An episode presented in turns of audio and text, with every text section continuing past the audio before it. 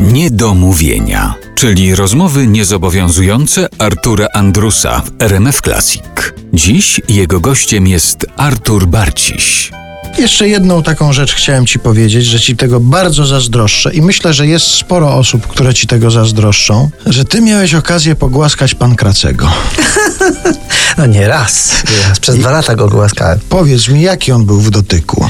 Z szorstki bardzo, bo on był z takiego sznurka jakiegoś takiej, no dosyć to było takie twarde, z takiej juty czy z, z czegoś takiego. Nie, nie było jakoś przyjemne. Natomiast pysk miał przeuroczy, no i mówił głosem Huberta Antoszyskiego, który tam siedział na dole pod biurkiem i animował tego psa. Wspominam to bardzo miło. A widziałeś może gdzieś ostatnio? Bo wiesz, że to w internecie gdzieś się Tak, pojawia. tak, ciągle mi przysyłają jacyś moi mm, fani. Sami oglądali, potem dzieciom puszczali, teraz wnukom.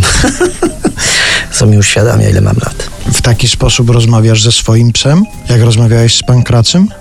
nie, nie, pan Krazy był wybitnie inteligentnym psem. Moje psy nie są takie inteligentne, moje psy tylko chcą wyjść na dwór albo dostać jeść, po żeby je głaskać bez przerwy.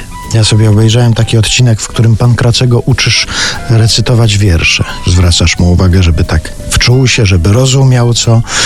co No ale poważnie, y, y, że nie ma takich programów w tej chwili, a to były programy w sumie bardzo edukacyjne, bo dziecko się utożsamiało z tym psem i kiedy ten pan w taki bardzo prosty i życzliwy sposób tłumaczył, jak należy rozumieć ten świat, to to było bardzo pomocne w takiej po prostu zwykłej edukacji.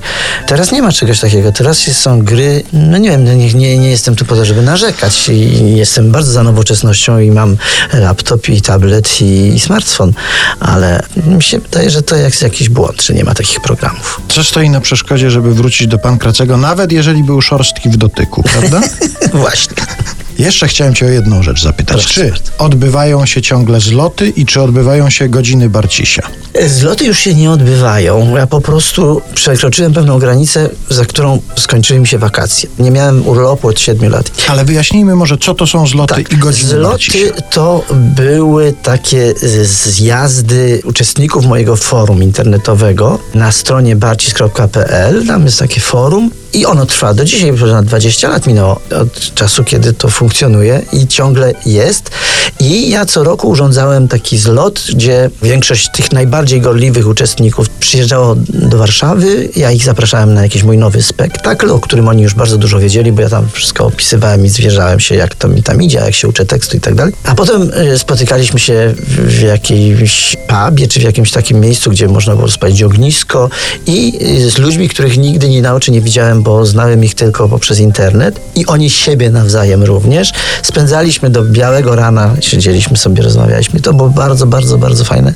Wszyscy to wspominają cudownie, tyle że ja już po prostu przestałem móc to organizować. Ale forum istnieje i Barcisiowa godzina też istnieje.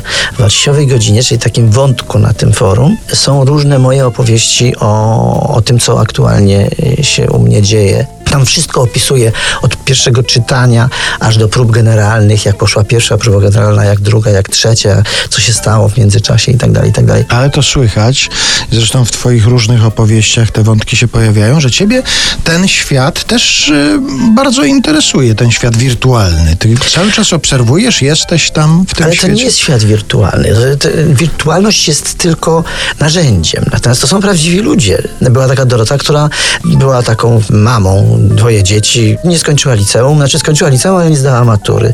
I miała już 30 chyba 6 lat i myśmy ją namówili, żeby zdała maturę. I ona to zrobiła, zdała maturę i mało tego, dostała się na studia. Tam nie ma żadnych spamu, nikt tam nikogo nie obraża. Pilnujemy tego bardzo, jest regulamin. To jest niby świat wirtualny, ale przecież on jest prawdziwy. To są prawdziwi ludzie, których ja większość po prostu poznałem osobiście.